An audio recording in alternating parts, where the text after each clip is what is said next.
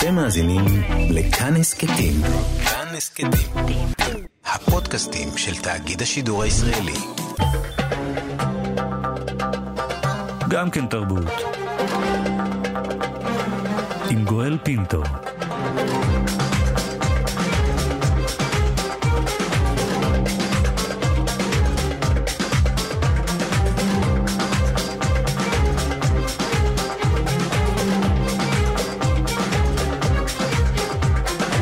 שלום, תודה שבחרתם להאזין לנו. הסכת אה, גם כן תרבות, המיטב מתוך התוכנית היומית שלנו, המשודרת בכל יום ברדיו כאן תרבות, 104.9, 105.3 FM. תהנו. גם כן תרבות, עם גואל פינטו.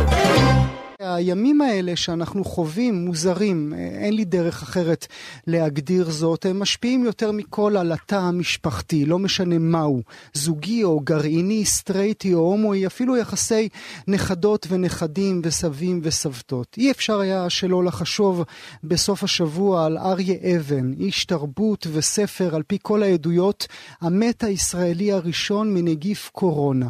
בן 88 הוא היה, הוא הלך לעולמו בתנאי בידוד, מבלי שיקיריו יכלו לבקר אותו. אנחנו נדבר על התא הגרעיני, נדבר בעיקר על הרגע בו האהבה מתה. נעשה זאת עם כלת פרס אמת לסוציולוגיה, פרופסור אווה אילוז, מהמחלקה לסוציולוגיה ואנתרופולוגיה באוניברסיטה העברית. בימים אלה יוצא לאור בעברית ספרה המרתק, סופה של האהבה, סוציולוגיה של יחסים שליליים. הפרופסור אילוז, תודה רבה לך שאת איתי הבוקר. אה, תודה גואל, אה, תודה רבה. קראתי את הספר באמת המרתק שלך, הפרופסור אילוז. כל הזמן חשבתי, אולי זה יצחיק אותך, ואם תצחקי איתי בכלל בבוקר הזה זה יהיה נהדר. חשבתי על הסצנה הנפלאה מהסרט שתי פנים למראה עם ברברה סטרייסנד. היא בסרט מגלמת פרופסור לספרות, והיא אומרת שם לסטודנטים שלה שהקולנוע והטלוויזיה כל כך שיקרו לנו, שאם את מנשקת בחור בדייט ראשון ואת לא שומעת ברקע את הפילהרמונית, אז את זורקת אותו, כי כנראה זה לא זה. אה, כן. אני לא יודעת אם זה מצחיק אותי, כי באמת אני לא במצב רוח לצחוק היום בבוקר, אבל uh, אתה קלעת לאחד התמות של הספר שלי, והתמה או השאלה המרכזית שהספר הזה שואל היא, מה התוצאה של חופש על יחסים מיניים ואינטימיים. חופש הוא הערך הפוליטי והמוסרי כמעט העליון, הייתי אומרת, של המודרניות. כל ה, אמ, אפשר לקרוא כל המאב... את כל המאבקים הפוליטיים שלנו היו מאבקים בש... בשביל אה, חופש יותר גדול. בין השאר גם בתחום המשפחה והאהבה. אה, בתחילת אה, מאה ה-19 למשל, כששומן רצה להתחתן עם קלרה, הוא היה צריך לבקש רשות מאבא שלה, אבא שלה סירב, mm-hmm. והם היו צריכים ללכת לבתי משפט שלוש שנים. אז, אז החופש הזה שאנחנו בעצם שמנו במרכז התרבות שלנו, אני שואלת עליו, במיוחד מה קרה לו אחרי המהפכה המינית של שנות ה-60 וה-70, וזה ספר שבעצם פותח את השאלה של מה הם התוצאות של חופש מיני, במיוחד כשהחופש המיני הזה מתרחש בזירה של אי שוויון בין גברים ונשים. זאת אומרת, מצד אחד החופש, מצד אחד החופש לבחור את מי שאנחנו רוצים, מצד שני אי שוויון אה, בסיסי. אבל עוד לפני שניכנס אל התמות שעולות אה, בספר ברשותך, אני רוצה שנדבר על הרגע בזמן הזה בו את ואני אה, משוחחים בעזרתם של עוד כמה עשרות אלפי מאזינות ומאזינים.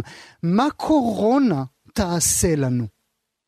אז תראה, אני, אה, כמובן שלא כתבתי את הספר הזה בעידן קורונה, אז אני יכולה רק לתת לך ניחושים של סוציולוגית. אחד הדברים שראינו בסין זה שאחוז הגירושים עלה בהמון. הייתה קפיצה, ברגע שאנשים יכלו לצאת מהבתים, ככה דיווחו העיתונים, היה תור מאוד ארוך לבתי משפט שמעניקים גירושים, mm. ובסין יחסית קל להשיג גירושים.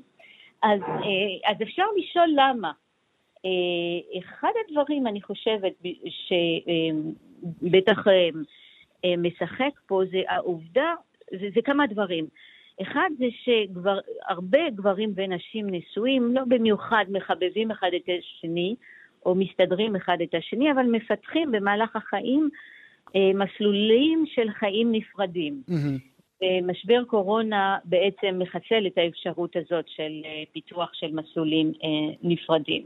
דבר שני זה שבתי ספר שבדרך כלל עושים עבודה מסיבית של טיפול בילדים, לא יכולים לעשות את זה יותר, ומה שקורה זה שבדרך כלל בתוך הבתים הנשים הם אלה שפתאום הופכות להיות אחראיות על הכל, גם ילדים, חינוך, ניקיון אה, וכולי. כלומר, יש בתוך הבתים איזושהי חלוקה לפי ג'נדר mm-hmm. שמתבצעת ושיכולה להיות אה, מקור למתיחות. דבר שלישי שאני יכולה לחשוב עליו זה שלא מעט גברים יודעים שהעבודה שלהם, הפרנסה שלהם בסכנה. Mm-hmm. ויינתן שפרנסה מאוד חשובה לזהות הגברית, לתחושת הגבריות, זה יכול להפוך חלק מהם להרבה יותר כועסים ואלימים אפילו. ולא צריך לשכוח שהרבה נשים שהן חשופות לאלימות של גברים ושהן בדרך כלל נעזרות במסגרות על ידי אה, עובדות סוציאליות וכולי, mm-hmm. כרגע נמצאות ממש מבודדות, אז הן הרבה יותר אה, קורבנות לאלימות. זה לא אומר, אני ממש לא אומרת שאין הרבה משפחות שמתמודדות עם הקורונה בצורה יפהפייה mm-hmm. ועם המון השראה. אבל סוציולוגים אה, זה כמו רופאים, הם לא מטפלים באנשים בריאים, או לא מתעניינים באנשים בריאים. מתעניינים במה שלא עובד. תשמעי, זה לא קל, ולא משנה אם הזוגיות שלך טובה יותר או טובה פחות. זה לא קל להיות גם עם האיש שבחרת בו, אה, במש... תקוע באותו בית במשך 24 שעות, יום אחר יום אחר יום אחר יום. אמ, אני מניחה ש... אני מניחה שיש כאלה שקל להם, אבל uh, יש שחיקה, כן, אני חושבת שיש שחיקה ושמושג אהבה רומנטית הוא לא בנוי לפמיליאריות uh, uh, ולקרבה uh, יומיומית הדוקה מדי. Uh, אני חושבת שאם אתה מסתכל על המודל של אהבה רומנטית כפי שהוא קיים מימי הביניים נניח, זה מודל של אהבה שבו יש מרחק, המרחק הוא כמעט אה, אינטרינזי לאהבה של אה, אה, אהבה רומנטית, או אפילו תחשוב על שיר השירים, שיר mm. השירים זה שיר של כמיהה, mm. זה אובייקט שהוא לא נוכח. כך שכל הסוגיה של ההיעדר הוא ממש מרכזי לתוך הייצוג ופרקטיקה של אהבה רומנטית. Mm. והבידוד מאפשר אולי דברים אחרים, אבל הוא בוודאי לא מאפשר את החוויה של הכמיהה הזאת, שהיא אה, חלק של אהבה רומנטית. שהיא חלק מרכזי ברצון שלנו לראות, לגעת באדם שמולנו. אני רוצה לשאול, וזו, וזו נקודה שעלתה במהלך השבועות האחרונים כאשר עסקנו בקורונה אצלי אה, בתוכנית, יכול להיות שמה שהשגנו הוא מה שבעוכרינו? יכול להיות שבגלל שעבדנו כל כך על, על אינדיבידואליזם, הוא זה שדופק אותנו עכשיו? למרות שאני בטוח שדופק זו לא מילה סוציולוגית. אינדיבידואליזם וקורונה? Mm-hmm. אני לא בטוחה שאני רואה את הקשר. ממה שאני מבינה, אה, אבל יכול להיות שאני לא מבינה, מה שאני מבינה זה שיש קשר יותר ויותר הדוק בין פתוגנים של חיות לבין בני אדם. קוראים לזה באנגלית zoonotic spillover. זה קורה בגלל שיש אוכלוסיית עולם שהולכת וגדלה, וזה קורה בגלל שבני אדם מנצ... אה, מנצלים יותר ויותר את האדמה לצרכים כלכליים. Mm-hmm. אז, אה, אז הפנדמיות האלה, כמו שאנחנו חווים דווקא יותר, אם אתה מסתכל על ה-20 שנים האחרונות או 30 שנים האחרונות, זה שהצלחנו להתגבר עליהם, כמו למשל סארס או מרס, אה, זה לא אומר שהן לא היו ממשיות. Mm-hmm. אז אני דווקא, תסביר לי את הקשר עם אני, אני, אגיד לך, אני אגיד לך ככה ואני אכנס אל הספר עצמו. אני תוהה, האם סופה של אהבה, הספר שלך שיצא עכשיו, הוא בעצם הקינה? האם הוא הסוף? את כתבת במהלך השנים על האוטופיה הרומנטית, וכתבת על אינטימיות קרה. האם סופה של האהבה זה בעצם הסטמפה שלך, החותמת של, של הפרופסור אילוז, שאומרת, זה לא עובד? אה, לא, לא, לא, אני לא אומרת את זה בכלל. אמ, אני, קודם כל שיהיה ברור, אה, הרבה אנשים חווים אהבה בצורה אה, אמ, אה, שמאוד מספקת אותם. כשאני מדברת על סופה של אהבה, אני מדברת על שתי דברים. אחד זה סוג של כותרת שדומה לכותרת של הספר של פרנסיס פוקויאמה, קץ ההיסטוריה. Mm-hmm, mm-hmm. זה, זה בז'אנר הזה זה מנסה לתאר סוף של תקופה, ומה זה התקופה הזאת? זו תקופה שמצד אחד האהבה אה, עדיין מאוד מאוד איתנו וממלאה חלק אולי מרכזי אפילו בשאיפות שלנו, אבל הנוכחות הזאת היא כמעט סוג של נוכחות כמו של אה, שד, הייתי אומרת, גוסט, שד mm-hmm. איתנו. כלומר, אנחנו אה, יודעים שאהבה קיימת, אבל לא בטוחים עד הסוף אם היא קיימת או לא. Mm-hmm. אנחנו לא יודעים אם היא תוצאה של סרטים וטלוויזיה, או האם היא אה, אמיתית. אה, בנוסף, אז מה שאני חושבת שנעלם, מה שנגמר, זה האפשרות של אהבה להיות איזשהו כוח טרנסצנדנטלי מעל החיים שלנו. אה, כלומר, המודל של תשוקה אה, טוטאלית, אה, אה, מודל של אהבה שהוא אה, ערך עליון, שהאינדיבידואל מקריב את עצמו בפניו ומקריב את, את כולו בפניו, זה נגמר. Mm. ו, ובזה אני מתחברת למה שאמרת קודם, סוג של אינדיבידואליזם הרבה יותר נרקיסיסטי והרבה יותר מרוכז בצרכים שלו, אה, מחליף, אם אתה רוצה, את הערכים הטרנסצנדנטליים. Mm-hmm. אבל החלק השני של הספר, אה, או של הכותרת של הספר, סוף האהבה, זה ניסיון להבין מבפנים, בתוך החוויה הפרטית של האנשים, למה אהבה נגמרת. Mm-hmm. וכל הספר מנסה בעצם לקשור את המקרו ואת המיקרו. מקרו זה הכוחות הגדולים, כלכליים ואחרים, שגורמים לנו, ש, ש, שבעצם פועלים אה, אה, אה, ושגורמים לנו או לא להיכנס לקשרים, או להיכנס ולסיים אותם מהר, mm-hmm. או לסיים אותם אפילו כשהם אה, כבר קיימים איזשהו זמן מה. אז ש, שזו, כל שזו, התופעה... שזו, שזו שאלה שבאמת שאלתי את עצמי במהלך הקריאה של הספר שלך. האם כן. בעצם לנו נדמה נדמה לנו שה, שהטכנולוגיה עשתה לנו טוב בחיי הזוגיות שלנו. אני יכול להיכנס עכשיו אל הטלפון הנייד שלי ולמצוא פרטנר תוך איקס זמן. אנחנו בטוחים שזה מאפשר לנו את החירות הזו לבחור מי שאנחנו רוצים. אבל מתוך העדויות שעולות בספר שלך, ו, ו, ואם לא הסברתי אז את משוחחת עם רבים, ראיינת רבים לספר הזה, נדמה לנו בשורה התחתונה בסוף, זה מה שעוצר עוצר אותנו באמת מלהשיג את מה שאנחנו רוצים. אז אתה צודק אה, מצד אחד. מצד שני, אני חושבת שאני הרבה יותר אמביוולנטית ואני גם אה, מציע אה, מושג של סוציולוגיה של אמביוולנטיות. אז טכנולוגיה זה אחד מהתופעות האלה שעליהן אי אפשר להגיד בצורה חד משמעית אם היא חיובית או שלילית. תמיד רוצים לדעת אם זה חיובי או שלילי. מה שאני כן יכולה להגיד זה שאפליקציות כמו טינדר, שעשו באמת מהפכה בתחום אה, אתרי היכרויות, אה, טינדר אפשר למשל את ה-swipe right and swipe left, mm-hmm. להעביר mm-hmm. את האצבע ימינה או שמאלה, והעברת האצבע שמאלה אה, מדגימה אחד התמות המרכזיות של הספר בעיניי, זה מה שאני קוראת לו non-choice, אי בחירה.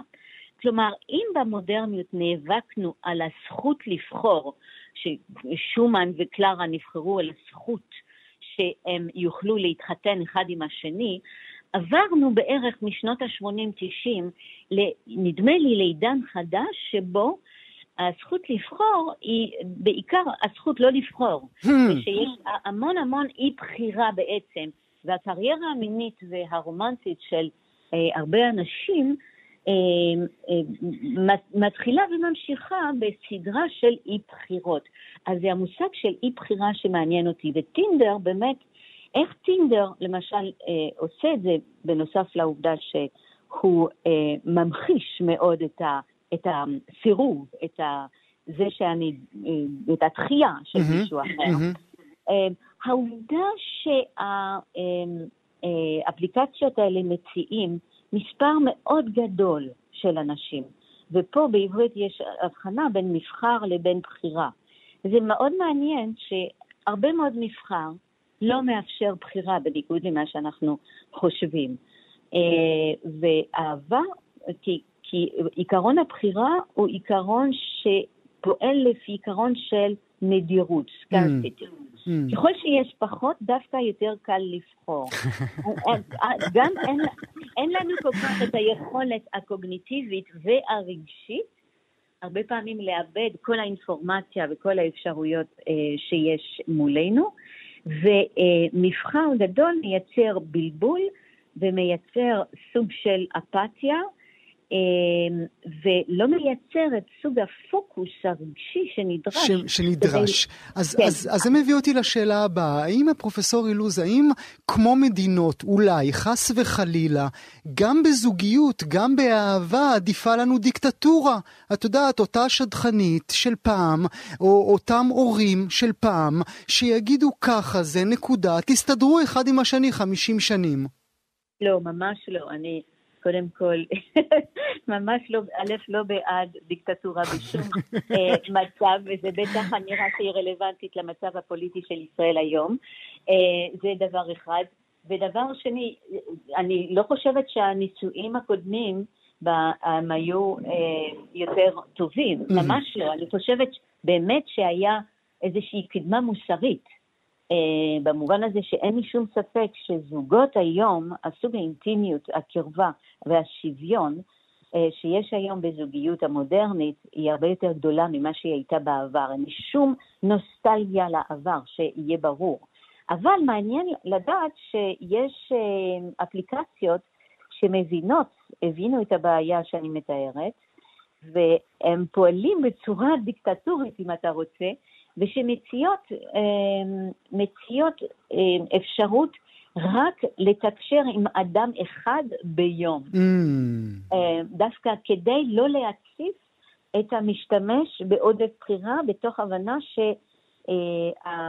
אה, הזאת היא לא מובילה... מעניין. אה, אה, וצריך להגיד שהאינטרס של האפליקציות, האינטרס הכלכלי של האפליקציות האלה, זה דווקא שלא נמצא. צריך להוסיף את זה. כי ככל שלא נמצא, אז אנחנו נשתמש. Mm-hmm. אז יש פה גם איזשהו פרדוקס, אם אתה רוצה, כלכלי של האפליקציה עצמה. מעניין. אולי אה, לסיום, אה, ברשותך, פרופסור אילוז, בואי נדבר מעט פמיניזם. מה מחיר הפמיניזם בכל עניין הזוגיות? מחיר הפמיניזם, אני לא רואה אף מחיר, אם אה, תרשה לי. אני רואה מחיר גדול למבנים פטריארכליים שעדיין קיימים. ואני רואה התנגשות בין אה, אה, פמיניזם או, או תביעות פמיניסטיות במבנים ישנים. פמיניזם זה הומניזם. Mm. צריך להבין שפמיניזם זה לא איזה מין אה, אידיאולוגיה אה, אה, צעקנית, זה אידיאולוגיה שבאה לדרוש שנשים יהיה להן מעמד שווה ומלא כמו זה של גברים. אה, ואנחנו ראינו מתנועת מיטו עד כמה היה אה, סמוי וחבוי מתחת לפני השטח, איזה אלימות הייתה סמויה וחבויה מתחת לפני השטח. פמיניזם רק בא לבקש שנשים יהיו סובייקטים מלאים mm-hmm. מול גברים. אז אני לא מצליחה כרגע לראות, כלומר, אם המחיר של זה, זאת אומרת, המחיר, אנחנו משלמים מחיר על זה, והמחיר הקולקטיבי, גברים ונשים, ששניהם משלמים על זה, זה אה, פוטנציאל יותר גדול לעוינות וסכסוכים, בהחלט. Mm-hmm. אבל זה בגלל שאנחנו בתפר, בנקודת התפר בין אה, מבנים ישנים ואידיאלים וערכים חדשים. והתפר הוא זה שיוצר את הרגע בו אנחנו אה, נמצאים. נאמר שוב, אה, סופה של האהבה, סוציולוגיה של יחסים שליליים, ספרה חדש של הפרופסור אווה אילוז. לעונג, אני מודה לך מאוד שהיית איתי הבוקר. תודה רבה, גואל, תודה. ימים קשים עוברים עלינו, כל מה שמוכר לנו נעלם בן רגע, רבים חווים קשיי פרנסה, ההתכנסות פנימה אל תוך הבית, הפחד מהלא נודע, הקושי עם הלבד, הקושי עם הזוגיות, עם הילדים, כל אלה מביאים אותנו למצבים נפשיים לא פשוטים, בעיקר לא מוכרים. אז כיצד נתמודד עם המצב המבלבל שכולנו חווים? ביקשנו את הדוקטור מירב רוט, פסיכולוגית קלינית ופסיכואנליטיקאית, ראש התוכנית לפס... לפסיכותרפיה באוניברסיטת תל אביב, שתחכים אותנו. הדוקטור רוט, בוקר טוב לך. בוקר טוב. את ממשיכה לטפל בימים אלה? כן, אה, באופן מקוון, או בזום או בטלפון. אבל uh, בוודאי, אנחנו, uh, זה בדיוק זמן להיות בקשר. מה הקושי המרכזי שאת מזהה? אצלי זה מופיע בבטן. אה, אני לא אתן פרטים רבים, אבל אצלי זה מופיע בבטן. איפה בגוף זה מופיע אצל הרבים שאת פוגשת? היפה בלפגוש רבים זה אה, לדעת שאין אה, תשובה אחת לאיפה זה מופיע, לא בגוף ולא בנפש. אמ, אז אמ, יש את המוקדים הגופניים של חרדה, שהם אה, מוכרים, של אה, גוף ושל חזה ושל דופק, אבל אני חושבת שדווקא הדבר לזכור אותו זה, זה השונה בין אחד לשני בתגובות שלנו. כי ברגע שאנחנו זוכרים שכל אחד מאיתנו מגיב אחרת, זה אה, מעורר את האופטימיות שאנחנו יכולים לנוע בתגובות שלנו מתגובות אה, אה, שקשות לנו יותר לתגובות אחרות שכנראה אה, מישהו אחר, או אנחנו ברגעים אחרים, כן מצאנו אותן גם מול אותה מציאות. Mm-hmm. אז, אה, אז אני חושבת שהדבר המעניין לחשוב עליו הוא דווקא על ההבדלים בינינו, או ההבדלים בתוכנו באפשרויות התגובה. לאותה מציאות. את לא מעדיפה לומר, אנחנו כולנו מקשה אחת, אה, תירגעי, תירגע, הכל בסדר, גם בעלך, גם השכן שלך חווה את אותה חוויה? אמ, זו באמת, אה, זה, זה שילוב אה, מעניין. זאת אומרת, מצד אחד באמת אה, יש פה סיטואציה שיוצרת איזו אחידות, דמיון יותר גדול מחיי היומיום שלנו במציאות שלנו. כולנו מול סכנה אחת או שתיים, תלוי אם אנחנו מונים גם את הפוליטיקה או רק את הקורונה. כולנו נמצאים בבידוד או בסגר. אה, אז יש יותר אחידות, זה נכון. אה, ובמובן הזה זה באמת חשוב להגיד לכולם שהמתח הוא מאוד טבעי כרגע. אבל אני חושבת שזה לא מספיק. אני חושבת שזה חשוב כן לזכור שהאופן שבו אנחנו פוגשים את המציאות מאוד תלוי במשקפיים דרכם אנחנו מביטים בה. אה, והמשקפיים האלה הן מורכבות מההיסטוריה שלנו. הן לא, הן לא בנויות mm. רק על מה מגיע mm. מבחוץ. Mm. הן מאוד מאוד מושתתות על מה שמגיע מבפנים. ומה שמגיע מבפנים זה כל ההיסטוריה שלי. אה, כל החוויות שצברתי עד פה אה, בחיי, האכזבות והתקוות וההתגברויות והקריסות. וגם הטראומות, הטראומות האישיות, אפילו הטראומות של ההורים או של הורי ההורים שעברו אלינו באופן בין-דורי. כל המכלול הזה משפיע על האופן שבו אני תופסת מה יקרה לי מול משבר. Mm-hmm. אז עוד רגע נדבר ברשותך על הפער הזה שקיים, אה, כמו שניסחת אה, עבורנו, בין המציאות הפנימית למציאות החיצונית, אבל mm-hmm. אם, אם תרשי לי אה, לשבת כמטופל רגע מולך. Mm-hmm. אני, אני בהיסטוריה הפרטית שלי, ודיברת על היסטוריות פרטיות, אני בהיסטוריה הפרטית שלי חוויתי, לדאבוני, לשמחתי, לא משנה, נניח את זה רגע בצד, מצב של סגר במשך 110 ימים. הייתי mm-hmm. בתוך בית שהיה מרושש. מרושת אה, מצלמות ושודר לכל ישראל, ואני בימים האחרונים חווה את אותן חוויות שחוויתי שם. הקירות, הקירות שנסגרים עליי, הקירות האלה הם קירות אינדיבידואליות או הם קירות שגם השכנה שלי מוועד הבית חווה ברגע זה? אז זו, זו דוגמה מצוינת מה שאתה נותן, כי הימים שבהם אתה היית בסגר אה, היו מלווים במכלול של חוויות שלך, שהשאלה איך הן יושבות בתוכך כרגע ומה מתוכן מבצבץ כמסמן את המציאות, נורא משמעותית לאיך אתה תחווה את הסגר הנוכחי. אה, ולכל אחד מאיתנו יש את הסגר שלו. אני כל הזמן חוזרת באסוציאציות שלי לגטו. Mm. אני כמובן לא עברתי mm. את השואה, אבא mm. שלי עבר את השואה, mm. אבל כדור שני, זה הסגר שאני גדלתי עליו. אז השאלה אם אתה ב, ב, בימי הסגר שלך הרגשת, למשל, שעם הקירות הסוגרים עליך מצאת את פתחי המילוט אה, של הרוח האנושית אה, שמפעמת בך, ומצאת דרכים להתגברות, ומצאת דרכים להיות יצירתי למשל באותו זמן, אה, או מצאת דרך להושיט יד לאחר, או הושיטו לך יד. והייתה איזו אחווה אנושית ברגעים של הסגר, זה יצבע את הסגר הנוכחי בצורה אחת. זאת אומרת, ו... אם היה לי קשה שם במיוחד, או אם אה, אביך, רק נסביר למאזינות ומאזינים שלנו, אה, אה, אביך, טומי לפיד, חווה את הקושי אז בשואה, אז את חווה את זה דרכו. בדיוק, בדיוק. אז, אם, אז ה, ה, ה, החוויות הקשות במיוחד חוזרות עכשיו כחרדה. החוויות של ההתגברות, כן, אם השואה הפכה לגבורה, או אם, ה, אם אה, אבי הצליח לצקת פשר, או אתה הצלחת לצקת פשר בחוויות שלך וליצור מהן אה, את המשך הדרך שלך, זה אה, כרגע מלווה אותך ככוח, נותן mm-hmm. לך כוח. Mm-hmm. וזה הבדל מאוד משמעותי. וכשאנחנו זוכרים את זה, אני חושבת שזה נורא עוזר לנו, אני אגיד לך על זה עוד משהו. כרגע כשאתה בתוך סגר, כשאתה אומר שאתה בסגר, אתה בחדר השינה שלך. Mm-hmm. המציאות המיידית שלנו בסך הכל היא הרבה יותר פרוזאית מהתרחישים הפנימיים האלה. בדיוק כמו שאתה אומר, הטראומות של העבר או החוויות של העבר, העולם הפנימי הוא תמיד הרבה יותר דמוני, הוא חסר קווי מתאר, הוא, כן, אה, אה, אה, הוא נפרס ללא גבול.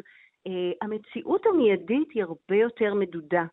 אה, אני מת על מה שאת אומרת עכשיו, כי את אומרת לי עכשיו, אה, גואל, אה, תירגע. מה שאתה עכשיו זה בבית שלך עם בני המשפחה שלך ועם הקפה שאתה אוהב, ואני נכון. בביתי שלי ואני לא בגטו של אבא שלי, והכל בסדר, אתה יכול לפתוח את החלון ואין אף מצלמה שמצלמת אותך. אני לא אומרת שהכל בסדר, אני אומרת שגם מול מה שלא בסדר, יש לנו מרווח של, אה, של התבוננות שמייצר, אה, מכונן את המציאות ולא רק אה, סופג את mm, המציאות. Mm, mm, יש mm. דברים שהם לא בסדר, אבל אתה יודע, אתמול בחדשות ראו שמונה פרצופים מתוקים בקורונה. והיה בזה משהו מאוד מרגיע. זה, היינו מצפים שנורא מפחיד יהיה לראות מישהו עם קורונה, אבל הקורונה הפנימית תמיד יותר מפחידה. Mm. הקורונה הפנימית תמיד יותר מפחידה. כן, כן. אני משתעל, יש לי חום, בסדר. וגם, עכשיו, למה אני אומרת זה לא הכל בסדר? יש גם אנשים שמתים, יש אנשים רבים שמתים, זה מאוד מפחיד אותנו, אבל זאת ההבטחה היחידה שיש לנו כשאנחנו נולדים. Mm-hmm. שיש מוות בסוף, אנחנו תמיד מפחדים מזה. עכשיו זה הופך להיות מוחשי, אבל התרחישים מבחוץ והתרחישים מבפנים, הם פועלים עכשיו בעוצמה אדירה על פני מה שכל רגע נתון אנחנו יכולים לשאול את עצמנו, אבל עכשיו, עכשיו כרגע, אני באמת בכזאת סכנה? הסכנה המרכזית כרגע אלה התסריטים האלה שתוקפים אותנו מבפנים ומבחוץ. את אה, לימדת אותנו בשיחה מוקדמת שהנפש לא סובלת ספקות. הסבירי לנו בבקשה את המשפט הזה. כן, אנחנו לא אוהבים אה, חוסר ודאות, אנחנו לא אוהבים מצבים לא ברורים, אה, וכאן אנחנו מאוד עמוסים בזה. פני המחלה, המגפה לא, לא ברורים בדיוק, משחה לא ברור לנו בדיוק, משך הסגר לא ברור בדיוק, האופק הכלכלי לא ברור בדיוק, יש המון איומים דיפוזיים, חסרי צורה, אה, והנפש לא סובלת את זה. אה, ואז יש לה שתי צורות התארגנות מול הדבר הזה. צורה אחת שפסיכולוגית אה, בשם מלאני קליין, ממשיכה של פרויד, קראה לה העמדה הפרנואידית סקיזואידית. זו עמדה שאומרת, אני, לא, אני מסרבת לבשורת המציאות. לא מקבלת אותה. אז או שאנחנו נהיים בקצה חסר ישע ונורא, כן, מדמים את עצמנו לקורבנות איומים, ואז העולם מתפצל לחלשים חלשים וחזקים חזקים, יש איזה מושיע בחוץ שצריך להציל אותי, mm, mm. שזאת לא אמת. Mm. ואו שאנחנו עוברים לקצה השני של הפיצול, ואנחנו נהיים מאוד אומניפוטנטים ויהירים, אנחנו נראה הזלזול קטן עלינו. קטן עלינו, לי זה לא יקרה. אה, העולם מתפצל לשחור ולבן. אה, ואנחנו והם, ואת כל הרע אנחנו משליכים החוצה. עכשיו, זו תמונת מציאות מאוד מסודרת, לכן אנחנו הולכים אליה, אבל היא לא אמיתית. המציאות היא מורכבת. העמדה השנייה היא עמדה שמסכינה עם המציאות. אה, קליין קרא לה אה, העמדה הדיפרסיבית, כי יש בה דכדוך, אבל יש בה, כי אנחנו פוגשים את הסכנה, לכן אני קוראת לזה מסכינה עם המציאות. אנחנו פוגשים את הסכנה, קצת מסכנים מול הסכנה, אבל גם יש לנו סוכנות פנימית שמסכימה לפגוש את המציאות. ואנחנו שמים את כל פלטת הצבעים של המציאות על שולחן היצירה שלנו, לא רק את השחור והלבן. Mm-hmm. חוץ מציבי גבע, הגאון, שיודע לצייר עם שחור בהמון המון גוונים, רובנו לא נוכל הרבה עם שחור ולבן. אז אם יש לנו את כל הגוונים מולנו, אז אנחנו גם נדע באיזה גוונים אנחנו לא יכולים להשתמש כרגע. הם באמת, באמת גדולים. אבל זו גישה הרבה פחות כיפית. אה, זה נכון ולא נכון. היא פחות אה, עוצמתית, היא פחות פורקנית.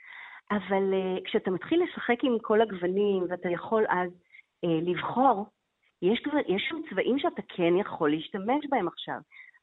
יוצרים ייצרו, כן, שמענו את השיר היפה בהתחלה, על המיטה שלנו היא מטר שמונים לעומת mm-hmm. שני המטר. Mm-hmm. היכולת שלה ליצור, זה שיר יפהפה אגב, mm-hmm. שמענו, היכולת שלה ליצור אה, להגיב למציאות שלה ביצירה.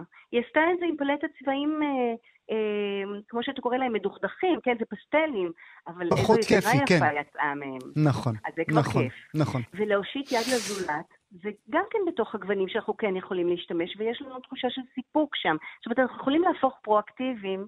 במציאות שעד עכשיו הרגשנו כלפיה חסרי אונים, או מאוד uh, כל יכולים, אבל בצורה כוזבת.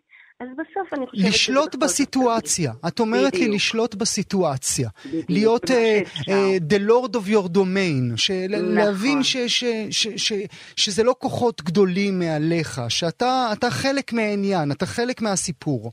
שגם מול הכוחות הגדולים מעליך עדיין תמיד יש לך מרחב בחירה, מרחב תמרון ומרחב שליטה, תושיט אליו יד. אני רוצה ברשותך אה, לסיום, שנדבר רגע אה, מתוך ספרך מה קורה לקורא. אה, שם את עוסקת באיך הספרות יכולה לעזור לנו בהתמודדות עם הקיום, וביקשנו ממך לקרוא משהו רלוונטי לשיחה שלנו מתוך הספר עצמו. כן, בחרתי דוגמה דווקא של מצב שבו המציאות מאוד מכריעה. רגע שבו, זה, זה, זה, אני מתייחסת פה קטע מתוך ספר של חורכה סמפרון. חורכה סמפרון הוא אה, סופר mm-hmm. ספרדי שהיה אסיר פוליטי בבוכנוולד, במחנה ריכוז, והוא עומד ליד הדרגש של חברו ומורו מהסורבון הלבווקס, שעומד למות. וסמפרון מחפש מילים, זה מצב, אני בכוונה לקחתי את הרגע הכי רדיקלי, כן? כאילו, מה, איזה מרחב אנושי כבר יש לנו? זהו, הוא עומד למות, עומדת להיות פרידה, הדבר שאנחנו הכי מפחדים ממנו. ודווקא בחרתי להראות איך גם שם, איך יש לנו מרחב תמרון פנימי, וגם איך התרבות עוזרת לנו. כי אנחנו אה, נראה תכף שסמפרון פונה לשירה כדי להיעזר בה להיפרד מהחבר שלו. אז, אז אני אה, אה, אה, אקרא את הקטע הקצר, הוא אומר, או אז, בבהלת פתאום, מבלי דעת, אם אוכל ללוות את מוריס הלפקס למנוחתו האחרונה, בתחינה לאלוהים כלשהו. ומודע עם זאת לכוח שבתפילה, אני אומר, כשגרוני משתנק בקול גדול, מנסה לשלוט בו, להרטיטו כראוי, אומר כמה שורות של בודלר. זה הדבר היחיד שעולה בדעתי. הו, מוות, קברניט זקן, באה עת, נרים עוגן. מבטו של הלווקס נעשה מטושטש פחות, נדמה כמשתומם. אני ממשיך לדקלם. מצטייר רעד קל על שפתיו של מוריס הלווקס. מבטו נח עליי, אומר אחווה. Uh, אני חושבת שאם אנחנו מבינים שגם ברגע הקשה הזה של הפרידה, הנאצים ניצחו, הגוף קורס, תמיד, אפילו ברגע הזה, מצא סמפרון, דרך הספרות, דרך ההתרחקות אל, הפרדוקס ההרחקה אני קוראת לזה, ההתרחקות אל המרחב של הספרות, מצא אשנב, ודרך האשנב הזה כל mm. הרוח האנושית נפתחה באור גדול, והחבר שלו, את הרגע האחרון שלו, יכול היה לחייך ולהרגיש את האחווה האנושית. אז אם ברגע הזה... וזה הרגע שאנחנו כולנו הדרך, צריכים לחפש, אה, לחפש בעצמנו, בדיוק, או מוות, קברניט זקן. באה עת נרים עוגן. באה עת נרים עוגן. אה, לעונג רב, הדוקטור מירב אה, רוט, פסיכולוגית קלינית, ראש התוכנית לפסיכותרפיה באוניברסיטת תל אביב. אני מודה לך עד מאוד שהיית איתנו הבוקר. תודה לכם, בריאות וטוב לכולם. אנשי מה שכרוך, מאיה סלע ויובל אביבי, כמו בכל יום מאז נכנסנו אל מוד קורונה, נמצאים איתנו גם הבוקר. בוקר טוב, יובל. בוקר טוב, איזה שיר, אני רקדתי. בוקר טוב, אני. מאיה. בוקר טוב, מה שהיה, נשכח מזה.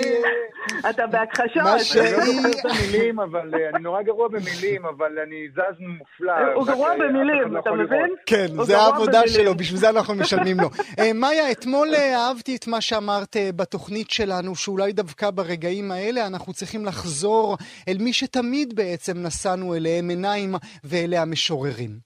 נכון.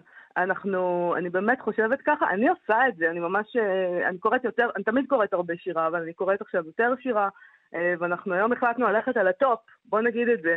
אה, אותי עניין לשמוע מה המשורר מאיר ויזלטיר אומר על מה שהולך. הנה אדם שנמצא פה הרבה זמן כבר בעולם, מתהלך בינינו. בן אדם שהחיים שלו התהפכו, אפשר להגיד, במלחמת העולם השנייה, איך שהוא נולד mm-hmm. לתוך הדבר הנורא הזה. אה, ומאז הוא, הוא פה, אה, אתה יודע, בין הרבה מלחמות וכל מיני עניינים, אז אה, רציתי שנדבר איתו, חשבתי שיהיה מעניין לראות איך הוא עובר את הימים. אז בוא נגיד שלום למשורר מאיר ויזלטיר. בוקר אור. בוקר אור כבר לא בוקר, כבר תקף צהריים. נכון, צהריים טובים מאיר ויזלטיר. אז מה, אתה, אתה היית בעולם, אתה חי בעולם הזה במרבית המאה ה-20 אפשר לומר, שהייתה מאה די איומה. את עומדת שאני חי כבר יותר מדי זמן? חס וחלילה, רק בריאות. אבל אתה בקבוצת סיכון, מאיר, בוא, בוא נודה בזה. אני בקבוצת סיכון מקסימלית, כן. נכון, נכון. אה, אנחנו עכשיו, אה, אה, אתה יודע, אנחנו כבר 20 שנה לתוך המאה ה-21, מעניין אותי, מה אתה חושב על המאה החדשה הזאת? קודם כל, היא כבר לא כל כך חדשה. נכון. 20, 20 שנה זה, זה לא מעט. אפשר כבר להגיד משהו עליה. היא בכלל, היא בכלל לא חדשה. היא, הדבר, בעיניי, הדבר, העובדה היסודית, הבסיסית ביותר, שקובעת את, ה, את הגורל של העשורים האחרונים, זה דבר מאוד פשוט, שאפשר לבטא אותו אריתמטית. כשאני נולדתי, כשהייתי, לא כשנולדתי, כשנולדתי אני לא יודע, כשהייתי ילד בבית ספר, mm-hmm. היו בעולם שני מיליארד אנשים. עכשיו יש כמעט שמונה מיליארד. כן. זה פי ארבע, וזה יותר ממה שהכדור הזה יכול לשאת הומו ספיאנס. Mm. לא, זה לא פלא שאני חי 79 שנים, ב-79 שנים הללו לא פלא שהמון מינים אחרים נכחדו. אין מקום על הכדור. אז מה עושים אה, אבל? סליחה? איזו ברירה יש לנו? מה נעשה?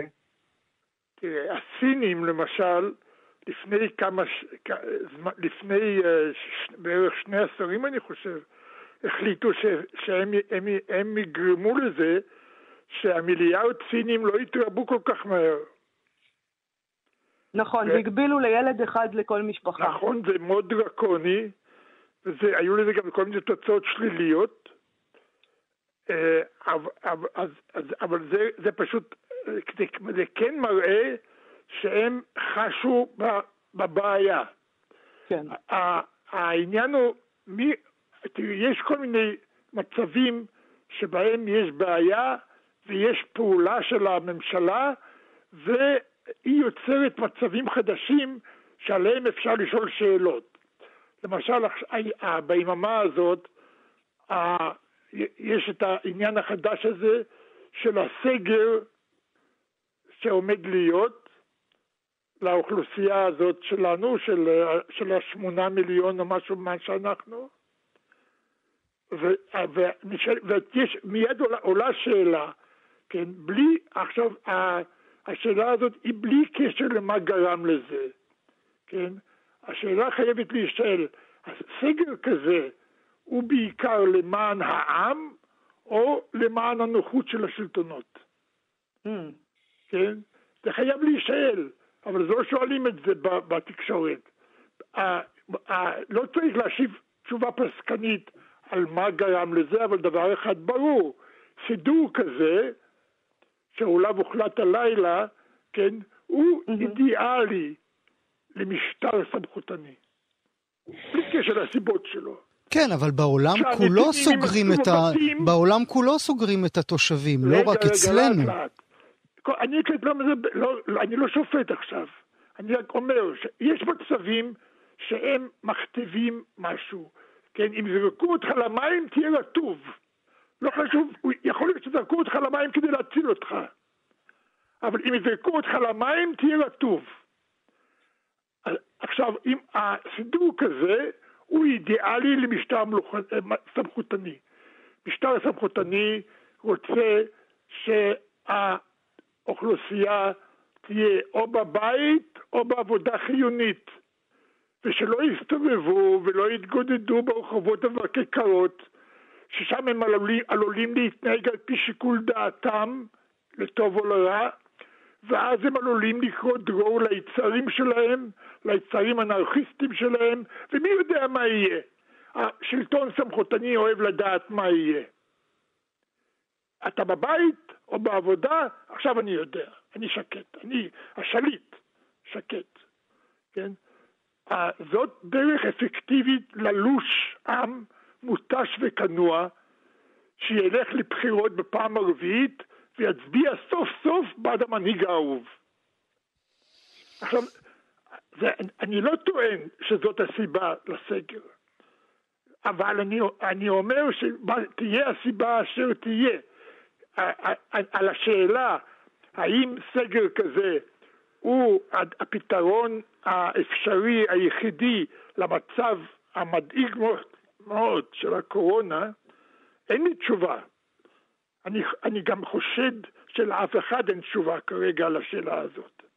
כי, כי זה, דבר, זה, זה דבר חדש, הותקפנו על, על ידי וירוס חדש, שאנחנו לא הכרנו אותו, לא יודעים עליו כמעט כלום, יודעים עליו נורא מעט, והתשובה על השאלה מה הדרך הכי טובה להתמודד איתו, יכול להיות שפשוט אין לנו אותה. יכול להיות שאין פשוט. אולי אה, נקרא ברשותך אה, אחד מהשירים שלך, מאיר. אני אשמח לקרוא לכם שיר שאומנם לא נכתב עכשיו, הוא נכתב ב-2017, והוא מתוך ספרי האדם הנידף שיצא ב-2018, אה, הוא, הוא מחולק לחמישה בתים, לכל בית יש מספר, עכשיו אני אקרא אותו.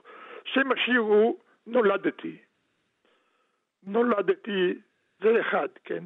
נולדתי לתוך עולם אחוז בולמוס קדחתני להשמדה עצמית פעילה. בעוד אני לומד לדבר, דולה מתוכי את התחביר הסמוי, עשרות מיליונים חוסלו בסביבתי הקרובה, או הלא כל כך רחוקה.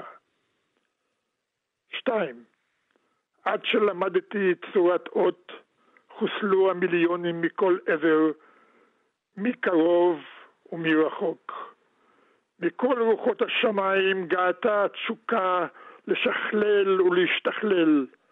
שיטה חדשה לחיסול מהיר הומצאה אז כמעט מדי יום. לא הסתפקו עוד בשיטות הנושנות. הן היו איטיות ומגושמות לטעמם. שלוש, השבט בקרבו נולדתי חוסל בזריזות, בהצלחה יתרה. ארבע, והנה אני נוטה למות בעולם מאוכלס מדי, העולה על גדותיו מרוב עודפים של הומו ספיאנס מעריכי חיים, בערים הנפרסות כגידולים פושים על פני הקרום החולה של הכדור, בעוד שאר המינים על פי דרווין פוחתים והולכים, נעלמים, מתעיינים. חמש, התת מודע של העולם הזה מגשש יומם ולילה אחר אופנים חדשים לדילול מהיר ואלגנטי של האנושות.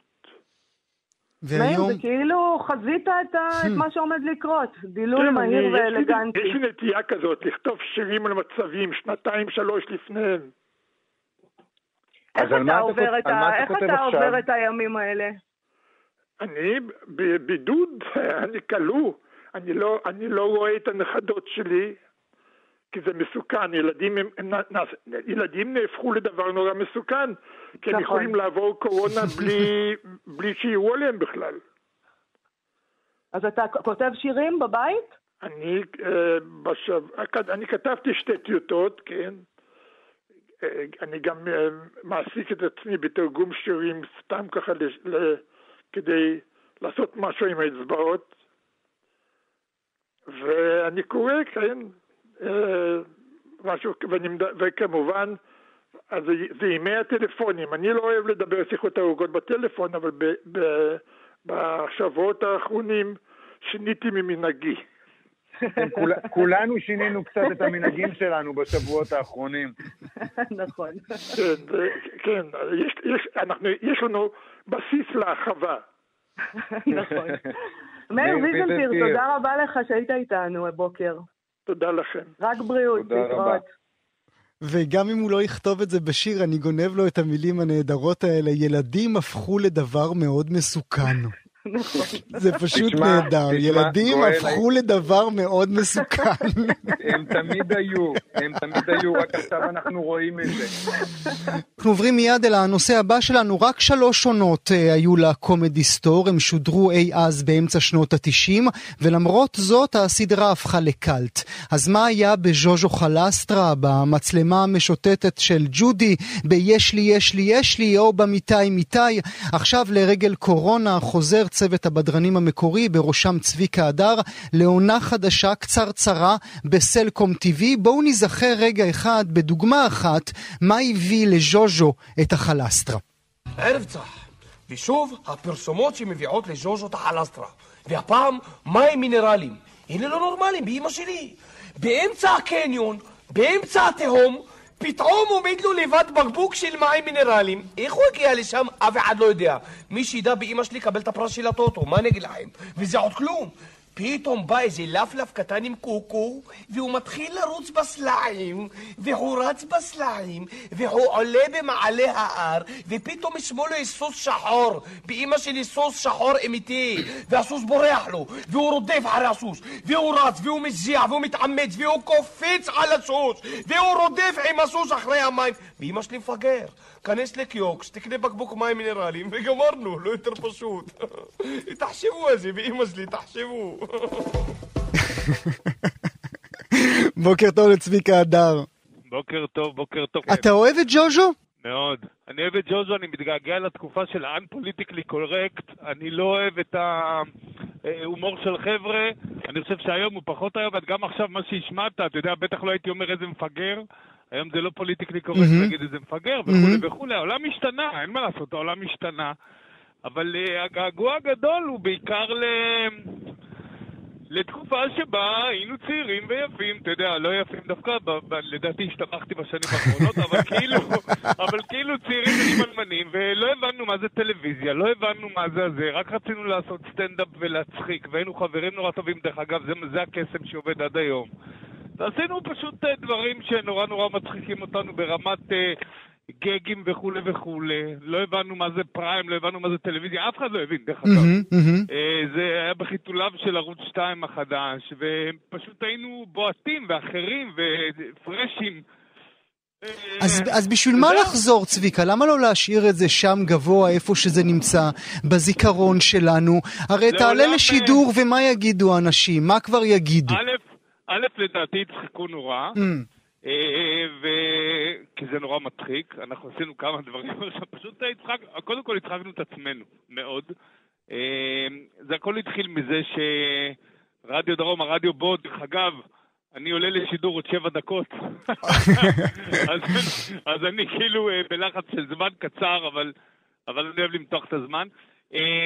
אה, מה שקורה, אז היה לנו שידור פורים, רדיו דרום, רדיו תל אביב ו- ורדיו גלי ישראל. אמרנו בוא נעשה לכבוד פורים, איחוד של החברים, הרמתי טלפונים וכולי וכולי, גלגלצ פתאום עשו את אה, אירועי פורים השנתיים המהוללים והכיפים שלהם, אמרנו בוא נעשה קונקשן, פתאום נהיה שידור געגוע גדול.